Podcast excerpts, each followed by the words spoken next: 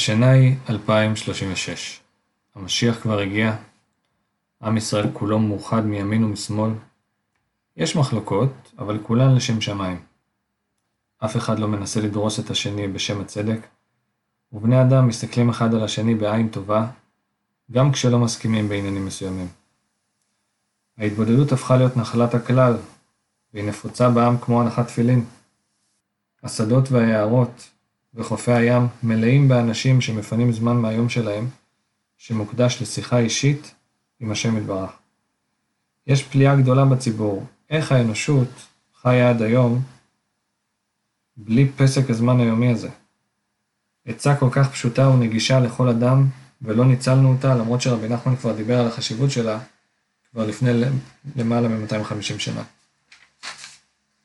האנטישמיות היא נחלת העבר. אומות העולם רואות שהנבואה של היהודים על ביאת המשיח התקיימה, והיחס שלהן כלפי עם ישראל מלא ביראת כבוד והערכה ליכולת העמידה של עמנו בכל הרדיפות שהיו לאורך כל הדורות. איך עם שהיה כל כך נרדף ומבוזה, שעבר שואה ופוגרומים במשך אלפי שנים, מלאות בעלילות דם שקריות ואנטישמיות חובקת עולם, איך העם הזה היום יושב בארצו עם משיחו, חי ובועט, עם התורה שלו והמצוות שלו. גם שקר כבר חלף מן העולם. אנשים אומרים רק אמת, ויש שקיפות מלאה בכל מערכות המדינה. אין קנאה יותר. כל אדם יודע בידיעה ברורה שלכל אחד יש את השפע הפרטי שלו שהוא צריך לקבל, ושאף אחד לא יכול לגזול ממנו את מה שמגיע לו. אף אחד לא חומד את מה שלא שלו. כל אחד שמח בחלקו, ואף אחד לא רודף אחרי ממון, והפרנסה מגיעה בקלות בלי טורח. אנשים הרבה יותר בריאים כי הם יותר שמחים, ומרגישים סיפוק גדול בחיים שלהם.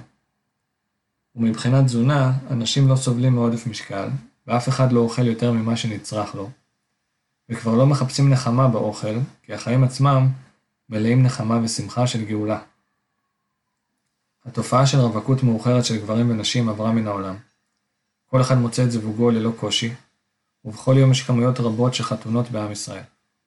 המשיח מגלה בעולם את תורתו של רבי נחמן, באופן הנגיש ביותר לכל אדם, בארץ ובעולם.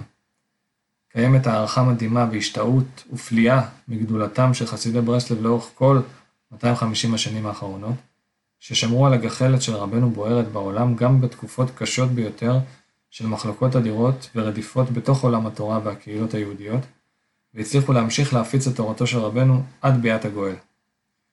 עכשיו בואו נחזור להווה. השנה היא 2021. יש ממשלה בישראל שהציבור המאמין לא תומך בה, בלשון המעטה, וגם היא לא מתה עליו, בלשון המעטה. המציאות של עם ישראל מאוד מאתגרת גם בארץ וגם בחוץ לארץ. האנטישמיות גואה, וחייהם של יהודים רבים, בארץ ובעולם, תחת איום מתמיד. חזון אחרית הימים שהצגנו מקודם נראה מאוד רחוק. העם שלנו מאוד מפולג. יש הרבה ישראלים שהיהדות לא ממש מעניינת אותם, ומציאות של משיח נראית מאוד רחוקה. אבל כמו שאומרים תמיד, הכי חשוך לפני עלות השחר. רבנו אומר בספר המידות, תחת ערך אמונה, סעיף מ"ח, כשאומות מחרפין אותנו ביותר, זה סימן למשיח. כלומר, שהגויים מגנים אותנו יותר מהרגיל, זה סימן על משיח. אז יהי רצון שנזכה להחזיק מעמד באמונה וביטחון שסוף כל סוף הכל יתהפך לטובה, ונזכה לביאת משיח צדקנו בקרוב ממש, салат томат